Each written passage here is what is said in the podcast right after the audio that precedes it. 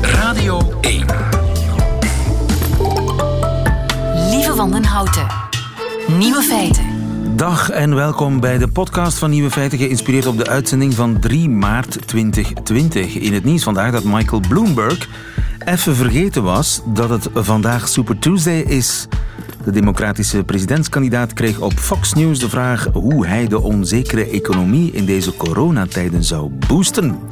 Nu, daar wist de voormalige burgemeester van New York wel een antwoord op. It's the people that are afraid to go out. Go to Chinese restaurants all across the country where there's no reason to think whatsoever that you're going to catch a flu. And I thought to myself tonight, I'm going to go to a Chinese restaurant. Actually, it turns out I can't, but I will do it tomorrow night just to show the flag and to help them. Ja, veel Amerikanen eten geen Chinees meer, bang voor corona. Dus zou hij vandaag wel even naar een Chinees restaurant in de buurt gaan? Of nee, sorry, dat kan niet. Super Tuesday vandaag, helemaal vergeten, agenda vol. Hoe oud is hij eigenlijk, Bloomberg? 78, denk ik. De nieuwe feiten vandaag. Wereldwijd dreigt de helft van de zandstranden te verdwijnen. De paus heeft geen corona, schrijft een Italiaanse krant. Veel egels zijn deze winter wakker gebleven en een vrouw in Amerika plast alcohol. Een wereldprimeur. De nieuwe feiten van Nico Dijkshoorn hoort u in zijn middagjournaal. Veel plezier.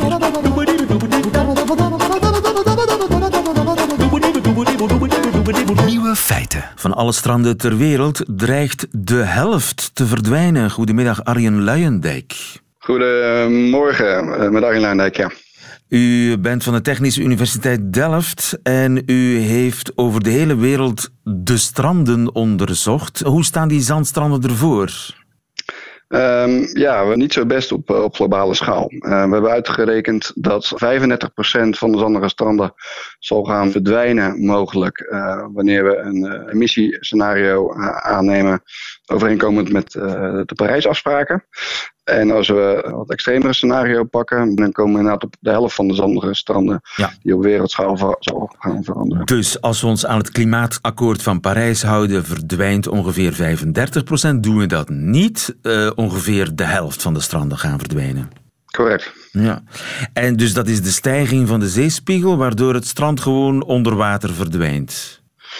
Uh, ja, um, inderdaad, door de zeespiegelstijging zal het water natuurlijk gaan stijgen. Een deel van het strand komt daarmee onder water. Um, maar nog belangrijker is dat uh, wanneer de stormen zullen in de toekomst de, uh, de kust zullen aanvallen, dan komen ook de golven dichter bij de, de duinen en zal er dus ook meer duinerosie plaatsvinden. Juist, daarmee verdwijnt er dus meer zandig strand. Dat hebben we nog kunnen vaststellen, nog niet zo lang geleden, tijdens een van die weekendstormen was een groot deel van de Belgische kust, waar daar een soort van kliffen ontstaan.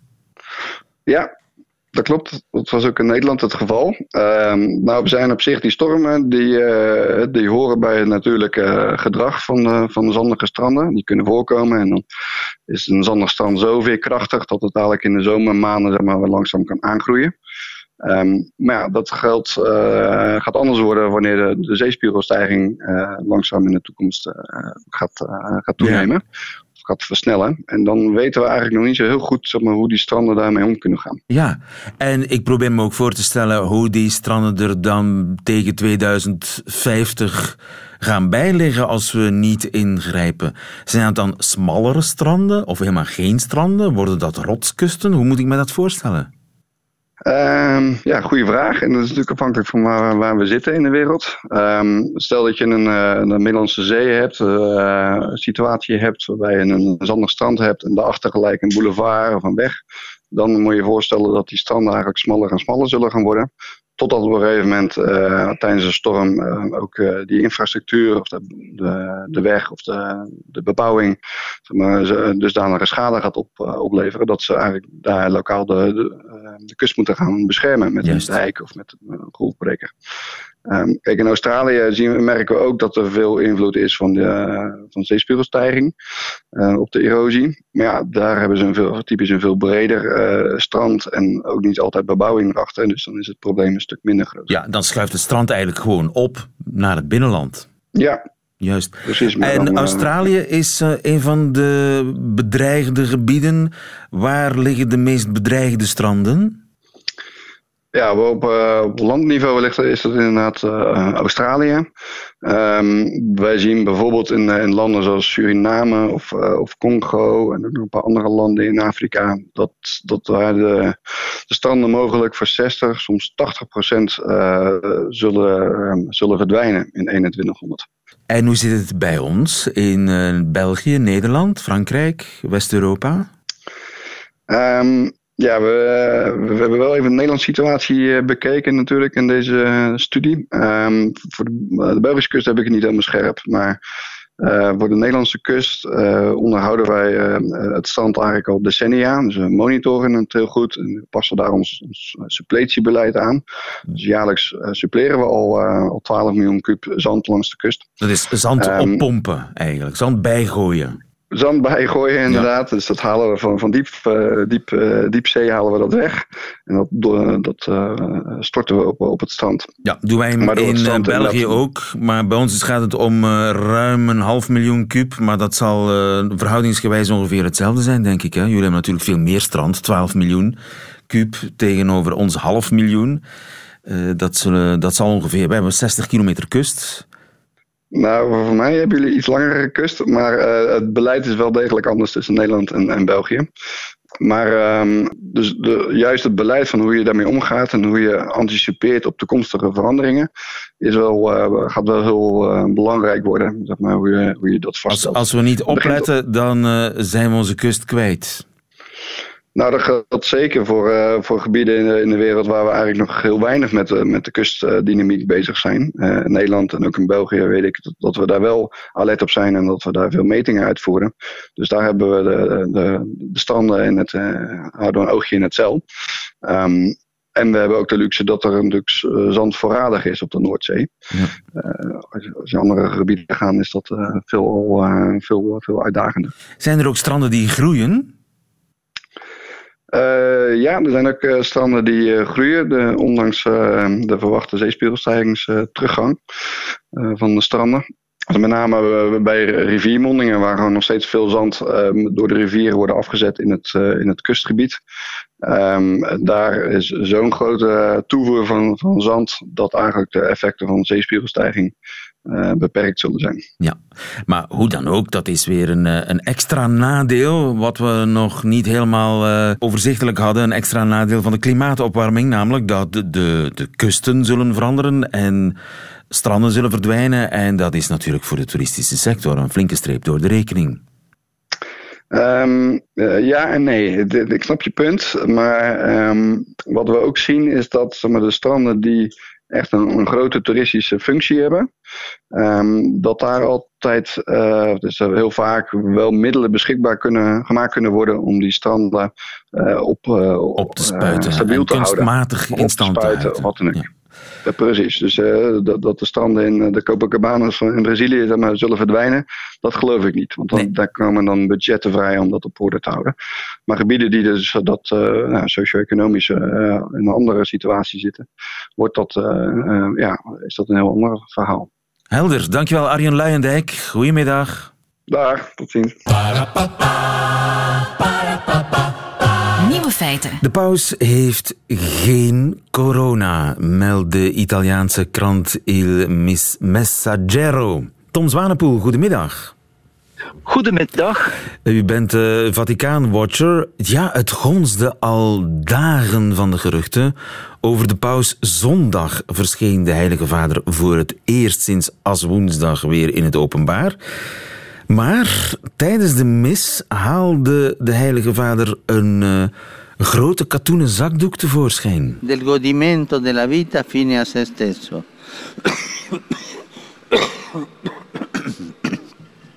Ma tutto ciò è illusorio. Ben presto ci si rende conto che più ci allontaniamo da Dio, più ci sentiamo indefessi. Ja, Hij was al een uh, halve week niet meer te zien geweest en dan dit. Zo ontstaan natuurlijk de wildste geruchten, hè Tom? Ja, dat klopt. Nu, er is wellicht een verklaring voor die lichte verkoudheid van de paus, want dat is hetgeen wat het Vaticaan officieel zegt. Een mogelijke verklaring is, op woensdag is hij een lange tijd buiten geweest en op die dag was het weer in Rome heel slecht. Het was koud, er was veel wind en er was ook regen. Dus wellicht is die verkoudheid daaraan te wijten. Ja, een verkoudheid en dus uh, geen corona. Hij is echt getest hè? en het resultaat is negatief. Ja, wel, uh, dat bericht hebben wij inderdaad gelezen, maar we moeten wel voorzichtig zijn en correct zijn. Het is een bericht van een Italiaanse krant en dat is vrij ongewoon, want als je het over de gezondheidstoestand van de paus hebt, dan moet je natuurlijk luisteren naar de officiële woordvoerder van het Vaticaan, de woordvoerder van de Heilige Stoel. En die heeft geen commentaar willen geven op dat bericht. Dus het is niet officieel door het Vaticaan bevestigd. Maar ik zelf ga ervan uit dat het wellicht geen corona is voor de eenvoudige reden. De paus heeft de laatste dagen ook mensen ontvangen in zijn woning. Casa uh, Ma uh, heet uh, die woning. En daar heeft hij toch een aantal mensen ook de hand geschud, heeft met die mensen gesproken dus iemand die corona zou hebben en het Vaticaan is daarvan op de hoogte, ja, dan zal dat wellicht niet gebeuren. Dus ik geloof wel die krant, wij geloven die krant, maar het Vaticaan, en dat is typisch voor het Vaticaan, het Vaticaan die geeft geen uitleg over de gezondheidstoestand van de paus. Want dat is heel delicaat natuurlijk, hè, de gezondheidstoestand van de paus. Enerzijds is er het feit dat hij een, ja, toch ook een politicus is, een staatshoofd. En anderzijds Mhm. is er zijn bijna goddelijke status. Hij is onfeilbaar. Natuurlijk niet immuun, maar het doet toch een beetje afbreuk aan zijn bijna goddelijke status, toch? Uh, ja, nu voor het Vaticaan is het duidelijk. Informatie over de gezondheid van de kerkleider, van de paus, behoort tot de privésfeer. Ook de paus die heeft recht op privacy, dus dat is een eerste reden. Een tweede reden, en die is denk ik in het geval van paus Franciscus belangrijker, als men zou informatie geven, correcte informatie over ziektes van de paus of over een zwakke gezondheidstoestand, dan zou dat uiteraard de deuren kunnen openen voor een machtsstrijd in het Vaticaan. En die machtsstrijd op dit moment is er al. Dus een slecht gezondheidsbulletin van de paus kan aanleiding geven tot een soort machtsgreep binnen het Vaticaan. Uiteraard hebt u gelijk door te zeggen, ja, de paus is onder andere de plaatsvervanger van Christus op aarde. Dat is een machtige grote titel in een, een aantal zaken als hij het heeft over geloof, over moraal, over de kan hij ook onfeilbaar zijn, de pauselijke onfeilbaarheid. Maar persoonlijk denk ik niet dat dit de hoofdreden is waarom het Vaticaan zo karig is met gezondheidsbulletins over Paus Franciscus. Ja. Uh, hoe lang is het geleden dat jij hem gezien hebt? Ik heb hem met kerstmis gezien en ik moet eerlijk bekennen, ik vond dat hij toen er niet zo goed uitzag. Dus we weten, en dat heeft Franciscus zelf verteld, dus het is uniek dat een paus over zijn eigen gezondheidstoestand spreekt en niet zijn perswoordvoerder. We weten dat hij enorm veel problemen heeft met de heup. Dus er is een probleem met het stappen. Er is ook een probleem met de long. Er is een deel van zijn rechterlong verwijderd. Dat gebeurde toen hij 21 was. En dat verklaart waarom hij, en dat was met kerstmis heel duidelijk, waarom hij met zoveel moeite ook kan praten. Zijn stem is niet zo duidelijk. En een klein detail, het is ook een paus die eigenlijk nooit zingt tijdens de liturgie. En dat zou ook te maken hebben met toch wel dat uh, probleem in verband met de long. En dan is er nog iets, namelijk uh, hij heeft een zenuwpijn in de benen vanuit de rug. En dat zorgt ervoor dat die man toch wel heel wat pijn heeft. En volgens insiders neemt de paus daarvoor ook de nodige pijnstillers. Dus met kerstmis zag je een vermoeide paus, een paus die het niet zo gemakkelijk heeft bij het praten en zeker ook niet bij het stappen. Ja, eh, maar hij mag niet ziek worden, want er is heel wat tegenstand. de, de messen staan klaar, bij wijze van spreken. Zeker. Uh, in een gesprek met vrienden, maar u weet, in het Vaticaan zijn er heel veel lekken, dus dat is uitgelekt naar de pers. Maar in een gesprek met vrienden zou Franciscus gezegd hebben: Ik heb echt pijn in de heup. Ik zou eigenlijk moeten onder het mes gaan, maar dat zal ik niet doen, want dan heb ik een lange tijd voor revalidatie nodig. En dan ben ik te vaak afwezig, of ben ik volledig een tijdje afwezig.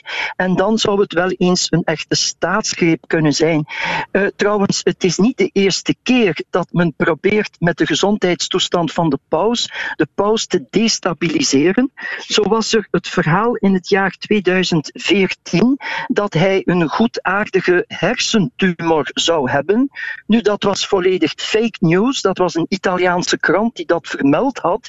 En de enige bedoeling was die bron, en die bron kwam uit het Vaticaan, die bron wou eigenlijk met dat nieuws melden, neem alsjeblieft niet alles au serieus, datgene wat de paus vertelt. Hij heeft een hersentumor, dus neem datgene wat hij zegt met een korreltje zout. Dus het gaat al zo ver dat men die gezondheidstoestand misbruikt om de paus te destabiliseren en om eigenlijk in het publiek kritiek te uiten op zijn politiek en ook op zijn persoon. Maar heeft de paus veel vijanden in het Vaticaan?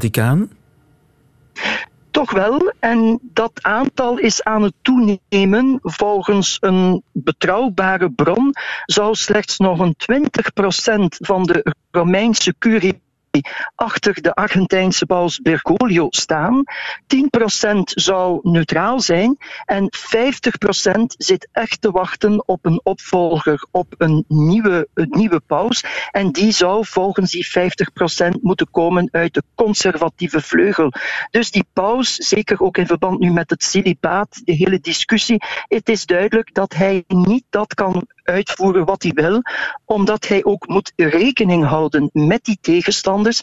En niet vergeten, de paus is enorm bang voor een schisma, voor een scheiding binnen de kerk. En dat wil hij ten alle tijden vermijden. Vandaar dat hij niet die progressieve koers kan varen die hij echt wil, omdat hij aan de toekomst van de kerk denkt. Hij zou ook dit jaar eh, voor het eerst niet meedoen aan de vasten, heb ik gehoord. Klopt dat? Uh, wel, het is de vastenbezinning. Het is een retraite. Dat is al een aantal jaren zo dat de paus met de leden van de Romeinse curie in de vaste periode buiten huis, dus buiten Rome, op uh, retraite gaat. En omwille van die verkoudheid heeft hij zelf aangekondigd zondag tijdens het Angelus heeft hij aangekondigd: ik zal niet deelnemen uh, aan die uh, vastenbezinning. Nu, uh, daar zijn er ook al wat geruchten over, wat roddels, dat die verkoudheid niet echt de reden is waarom hij niet echt wil deelnemen aan die bezinning. Het is met leden van de Romeinse curie en op die manier zou, en dat zegt een bepaalde bron, zou hij willen aantonen dat hij eigenlijk niet wil deel uitmaken van die groep omwille van dat verzet. Persoonlijk geloof ik niet echt dat dat klopt. In de eerste plaats omdat hij inderdaad zwaar verkouden is. Hij heeft nog een aantal belangrijke activiteiten op het programma de komende weken en de komende maand. We zitten nog met de dreiging van het virus in Rome, ook in Vaticaanstad.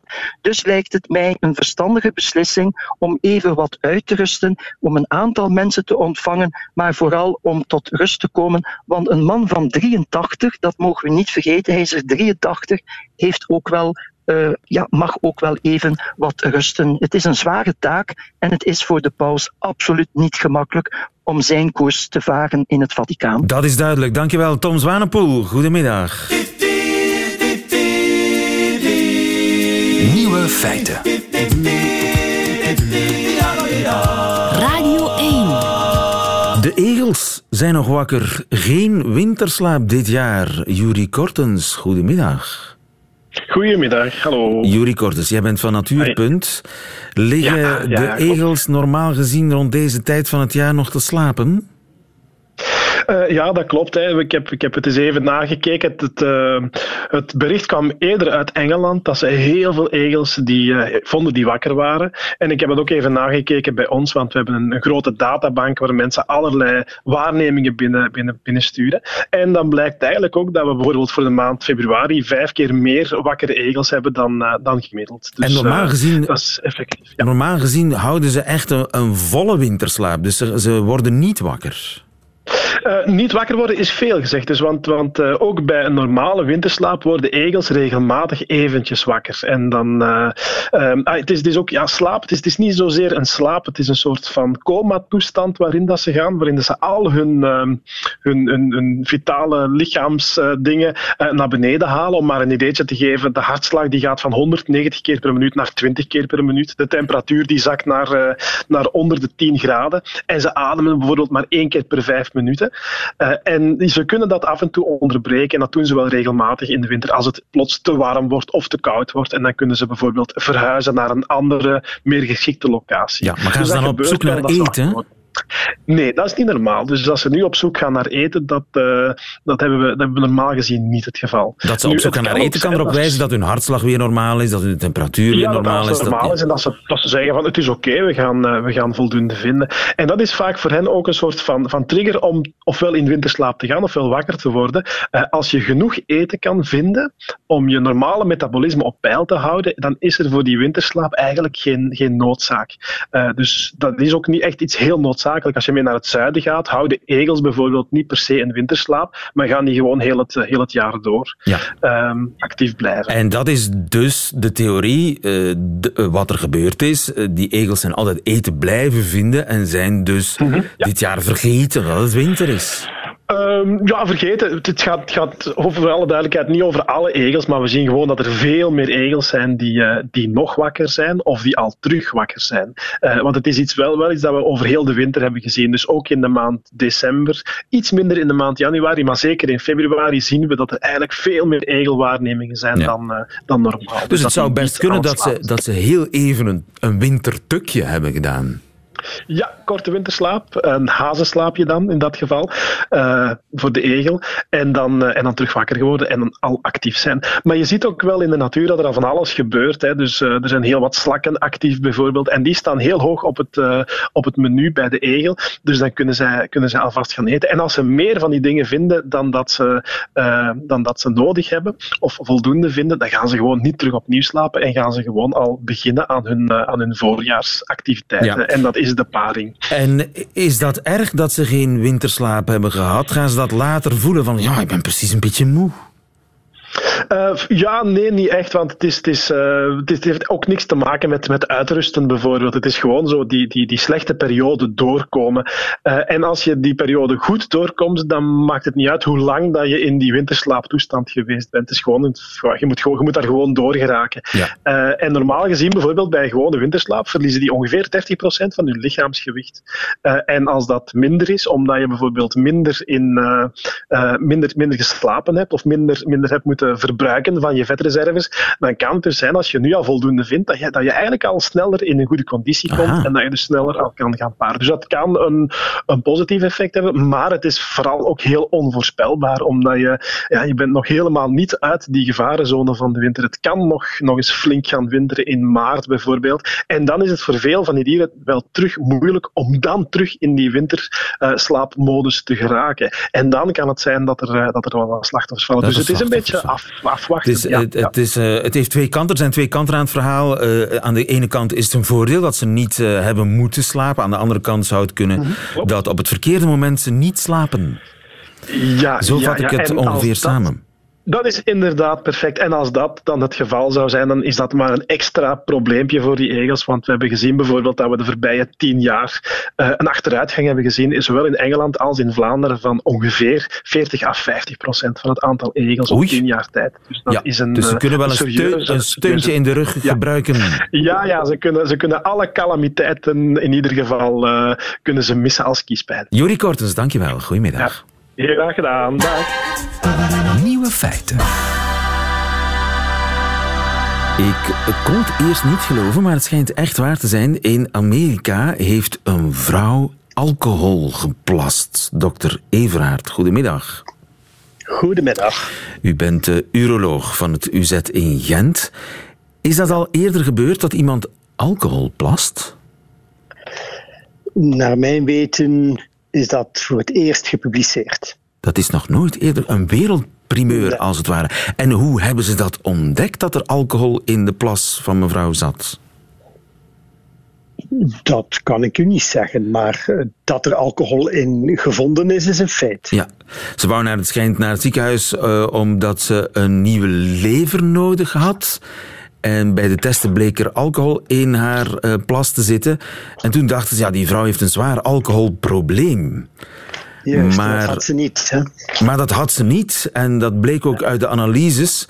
Want een bepaalde stof die je produceert bij afbraak van alcohol zat niet in de urine van de vrouw. Klopt. Dus die alcohol ja. moest op een andere manier in haar lichaam zijn ja, terechtgekomen. Hebben we enig idee hoe dat gegaan is? Wel, blijkbaar vond men bij haar een bepaalde gist in de urine. En dat, dat komt ook wel eens voor bij een vrouw die gewoon een blaasontsteking doet. Maar zeker bij mensen met suikerziekte ziet men dat vaker. En ze had suikerziekte? Ja, zij, was had een, suikerziekte. een uh, diabetespatiënt. En zij had dus, ja, zij was een diabetespatiënt. En zij had dus die gist in haar urine. En gisten, maar ook bacteriën, zijn gekend om suiker te fermenteren. En sommige fermenteren dat tot alcohol. Juist, dus doordat ze diabetespatiënt was, zat er veel suiker in haar blaas. In de urine. In, in, ja. haar urine. En dat trekt natuurlijk gisten aan die van die maar suiker, bacteriën, die van die suiker ja. leven. En dat is nu eenmaal het, het brouwerijprincipe. Dat is dat, dat is gisten dus... suikers omzetten in alcohol. Ja, niet alleen alcohol. Hè. Men, men, gebruikt gisten in de industrie om parfum, om zeep te maken. Dus men kan die processen met die gisten in allerlei richtingen sturen. Daar bestaan bedrijven voor. En, en uh, een van de eindproducten kan bijvoorbeeld alcohol zijn. Ja. Nu, het is uh, voor het eerst dat iemand alcoholhoudende urine plast. Maar het is niet de eerste keer dat wordt vastgesteld dat mensen zelf in hun lijf alcohol nee, maken. Dat klopt. Hè. Er zijn mensen die positief hebben geblazen door het feit dat zij alcohol in hun darm maken, omdat daar bepaalde bacteriën of gisten zijn die dat ook doen. En dat, dat, dat heet het autobrouwerijsyndroom, naar het schijnt. Het autobrouwerijsyndroom. Ik dacht dat dat vorig jaar zelfs even nog in de media geweest is. Uh, Zo'n casus van iemand die positief had geblazen, terwijl hij dus niet dronk. Ja. En je, dat zijn, als, je, als je dat in je darmen hebt, dan ga je dat ook. Uh, dan krijg je echt alcohol Opnemen, in je bloed. En dan... Maar dan gaat je lichaam dat metaboliseren en ga je die andere afvalstoffen ook in de urine krijgen. Juist. Maar heb en je dan ook een roesgevoel? Ga je daar ja, dronken dat, van worden? Dat, dat, dat kan zeker. Hè? Ja. Het hangt van de dosis af, hè? maar dat kan zeker. Hè? En dat is dan, je hebt geen druppel alcohol gedronken, dat is gewoon het, het normale verteringsproces die, er, die een ja. soort bijproduct alcohol ja. produceert. Juist. Dat is het fermenteren, de fermentatie tot alcohol. Zo wordt tenslotte ook bier en, en wijn gemaakt. Hè? Ja. Dat is uh, maar dat, het fermenteren van suikers. Dat komt vaker voor, maar dat is nog altijd heel zeldzaam, neem ik aan. Dat is heel zeldzaam. En nog zeldzamer is nu de blaas, omdat men dat daar veel moeilijker vindt. Hè. Je wordt niet, niet dronken omdat die blaas bedekt is met een laagje die, die net maakt dat we onze afvalstoffen die we hebben uitgescheiden met de nieren niet gaan terug opnemen in ons lichaam. Dus dat is afgesloten, die, dat, die alcohol komt niet in het bloed terecht, die zit ja, al in je urine klaar om uh, afgestoten te worden. verdoven, zoals bij de tandarts, zo daar een verdovend product in te spuiten, dan raakt dat heel moeilijk in die wand. Dat is dus heel moeilijk lokaal te verdoven.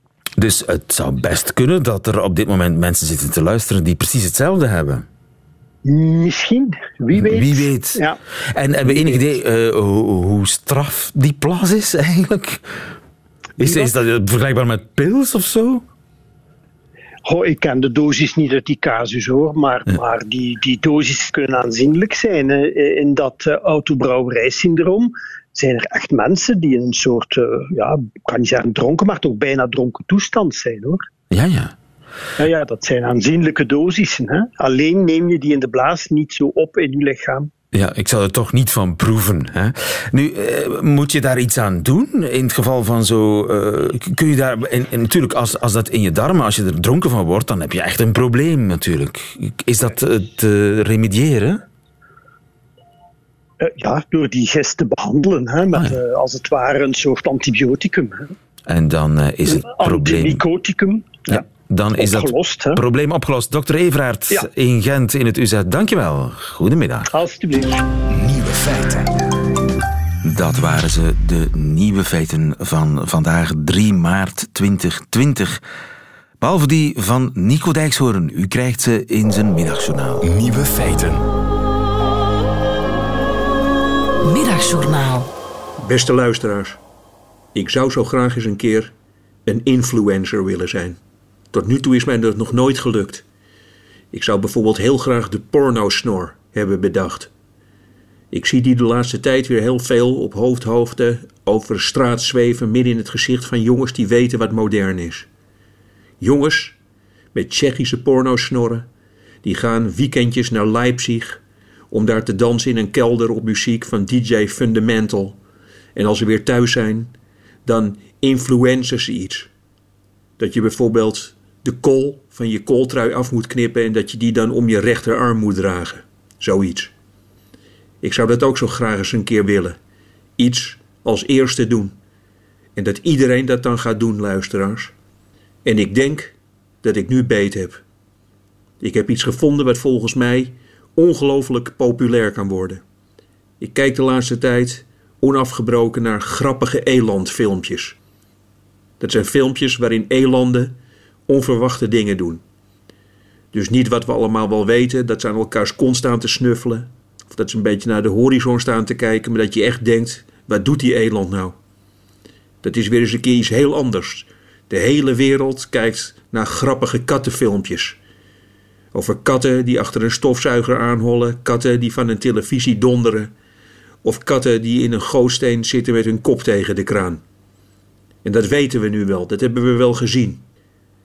Maak plaats voor de grappige elandfilmpjes. Ik noem even een paar hele leuke. Een dronken eland die in de rij staat bij de supermarkt en niemand zegt iets. Een eland holt met 40 km per uur dwars door een autowasserij. Twee mensen zitten in hun keuken zwijgend te eten en er loopt opeens een eland achter hun langs. Een eland die lipsynchroon alle liedjes van U2 mee kan mompelen. Nu wilt u natuurlijk weten waar u die filmpjes kunt zien. Maar dat is dus juist het fijne van influencer zijn, dat zeg ik niet. Ik houd het zo lang mogelijk geheim. Eindelijk, luisteraars, loop ik eens vooraan in een nog uit te breken rage. Want zo is het. U weet het zelf nog niet. Maar over een half jaar zit u allemaal naar een filmpje van een eland te kijken. Die sprekend op de zanger van Triggerfinger lijkt.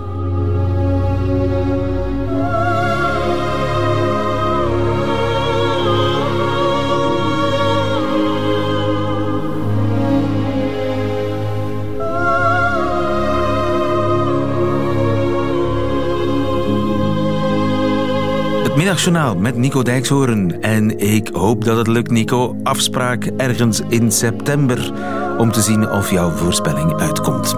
Einde van deze podcast hoort u liever de volledige uitzending van Nieuwe Feiten met alles erop en eraan. Dan kunt u terecht op onze app, onze site. Daar vindt u nog veel meer fijne podcasts. Tot een volgende keer.